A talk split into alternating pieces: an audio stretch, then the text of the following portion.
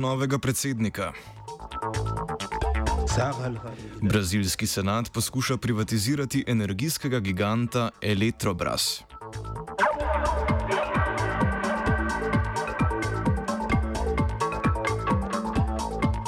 Slovenski kriminalisti razkrili hobotnico smetarske mafije. Turistični boni bodo za koriščenje na voljo tudi letos, protestirati pa bomo lahko šli le z dokazilom o testiranju. V kulturnih novicah pa praznovanje 27. obletnice Mariborske pekarne.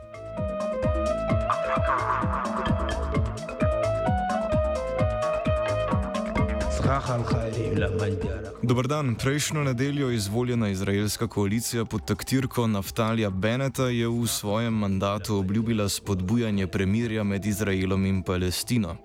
V sredo ta teden so na to izraelske sile nadaljevale z obstreljevanjem Hamasovih vojaških oporišč, včeraj pa so izraelska letala že drugič po koncu 11-dnevnega obstreljevanja prejšnji mesec zagnala obsežen napad na območja v Gazi, ki so pod kontrolo oboroženih palestinskih milic. Za slednje Izrael trdi, da so namerno streljale na njihove vojaške sile in spuščale zažigalne balone, čeprav je z agresivnim obstreljevanjem začela prav Benetova koalicija. Gibanje Hamas je izjavilo, da je okupatorjevo bombardiranje strateških palestinskih oporišč lep pokazatelj njegovega značaja in da bo Hamas še naprej, citiramo, branil svoje ljudi in svete objekte ter območja. Konec citata.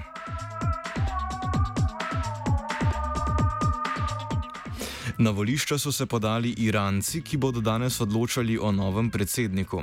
Na volilno dirko se je prijavilo skoraj 600 kandidatov, na koncu pa je 12 juristov in teologov skrbniškega sveta zeleno luč dalo sedmim posameznikom, ki niso pripadniki centristične reformistične frakcije trenutnega predsednika Hasana Ruanja. Ruanju se namreč očita, da je v luči Trumpovih sankcij zaradi jedrskega programa, na to pa koronavirusne epidemije, breme krize premostil na iranski delovski razred in pripomogel k razrastu revščine. Sodeč po anketah javnega mnenja ima daleč največjo podporo trenutni iranski vrhovni sodnik Ebrahim Raisi, ki uživa tudi podporo raznih konzervativnih in ortodoksnih politikov ter organizacij. Raisi se je po islamistični revoluciji leta 1979 pridružil toživstvu v Teheranu, na to pa naj bi odigral ključno vlogo pri množičnih usmrtitvah političnih nasprotnikov Ajatole Homeinija leta 1988, ko je bilo usmrčenih več tisoč pripadnikov ljudskih mujahedinov Irana in iranske komunistične partije. Ena od glavnih obljub Raisa je boj proti korupciji. Njegov glavni rival je šef centralne iranske banke Abdul Nasser Hemati, ki pa mu očitajo, da ni ubranil vrednosti iranske valute, potem ko so ZDA ponovno uvedle gospodarske sankcije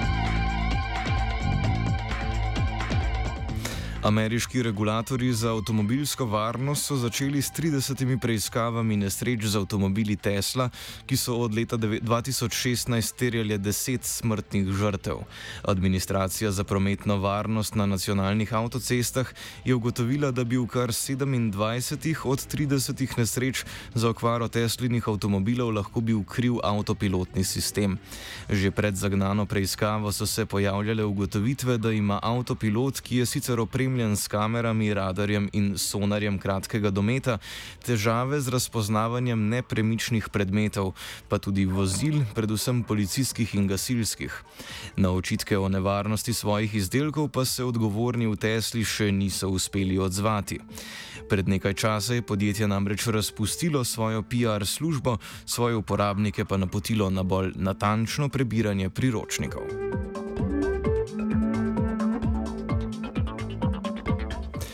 Brazilski senat je v četrtek po pobudi predsednika Žaira Bolsonara glasoval o zakonu, s prejetjem katerega bi se lahko izvedlo privatizacijo državnega energetskega giganta Electrobras, ki je sicer največje elektroenergetsko podjetje v Latinski Ameriki. S prodajo delnic podjetja bi se brazilska vlada lahko okoristila z okoli petimi milijardami evrov in jih uporabila za obnovo koncesij na Electrobrasove hidroelektrarne in daljnovode. Levičarski nasprotnik nasprotniki trenutne brazilske vlade, predvsem nekdani predsednik Luiz Inacio Lula da Silva, pa so posvarili, da bi Bolsonaro, citiramo, s prodajo podjetja za ceno banane ogrozil energetsko varnost državljanov, saj bi energetski stroški narasli, upravljanje z nekaterimi vodami pa bi padlo v roke privatnikov s škodljivimi namerami. Konec citata. Predlagan zakon mora sicer v roku dveh tednov še enkrat potrditi predstavniški dom.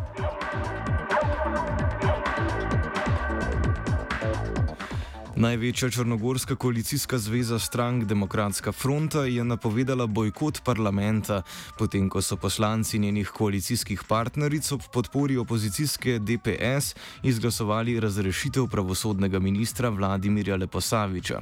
Glasovanje je parlamentu že v začetku aprila predlagal premije Zdravko Krivokapič zaradi ministrove izjave o tem, da bo genocid v Srebrenici priznal, ko bo ta nedvoumno dokazan. Poleg razrešitve je parlament izglasoval tudi resolucijo, v kateri je genocid obsodil in potrdil, da je bila Srebrenica etnično očiščena več kot 8000 ljudi, prav tako pa je 11. juli razglasil za dan spomina na žrtve tega genocida. V Demokratski fronti so resolucijo razglasili za provokacijo Srbov v Črni gori, prav tako pa so napovedali umik podpore premijeju Krivokapiču in zahtevo za sklenitev nove koalicijske pogodbe. Koalicija, ki jo vodi Krivokapič, je lani uspela zamenjati vlado DPS in Mila Djukanoviča, ki je Črnogoro vodil od treh desetletij nazaj. Oba, če, če bom odgovoril na angliški. Slovenija will try to help. Uh, we can. Slovenija will. Uh, and we will do our utmost to say that the situation is our problem ourselves. And uh, we will uh, make further steps as soon as the conditions are. Bomo vlado Marjana Cererja, Marjana Cererja Šarca podprli. Uh, very, very serious. From Slovenia. We know how and we will. V zvezi s čedalje večjim številom odkritih nezakonitih odlagališč odpadnega komunalnega blata so slovenski kriminalisti v sredo opravili 18 hišnih preiskav na območju Maribora, Celja in Ljubljane. Pri tem so ugotovili, da je bila za raztros mulja polnega škodljivih kovin odgovorna dobro organizirana kriminalna združba za prevoz in zbiranje odpadkov, ki je od najemnikov prevzemala tovor in ga metala na lokacijo v Pivoli in v Šentjurju. Kazanska Kazenska ovadba je bila podana zoper šest fizičnih in dve pravni osebi, osumljenih so storilstva v kaznivem dejanju obremenjevanja in uničevanja okolja po 332. členu Kazenskega zakonika. Ukolikor bi bili osumljeni spoznani za krive, jim grozi do 8 let zapora. Tudi po uradnem koncu epidemije vlada nadaljuje s sprejemanjem odlokov o omejitvi gibanja in zbiranja. Z naslednjim tednom bo tako za udeležbo na javnih prireditvah in shodih z do 100 udeleženci veljal pogoj PCT, prebolev cepljen testiran, z izjemo mladoletnih oseb, prav tako pa članom istega gospodinstva ni treba držati varnostne razdalje enega metra in pol.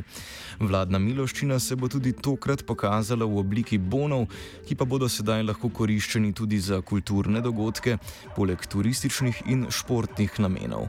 Odrasli naj bi prejeli bon v vrednosti 100 evrov, mladoletni pa 50 evrov.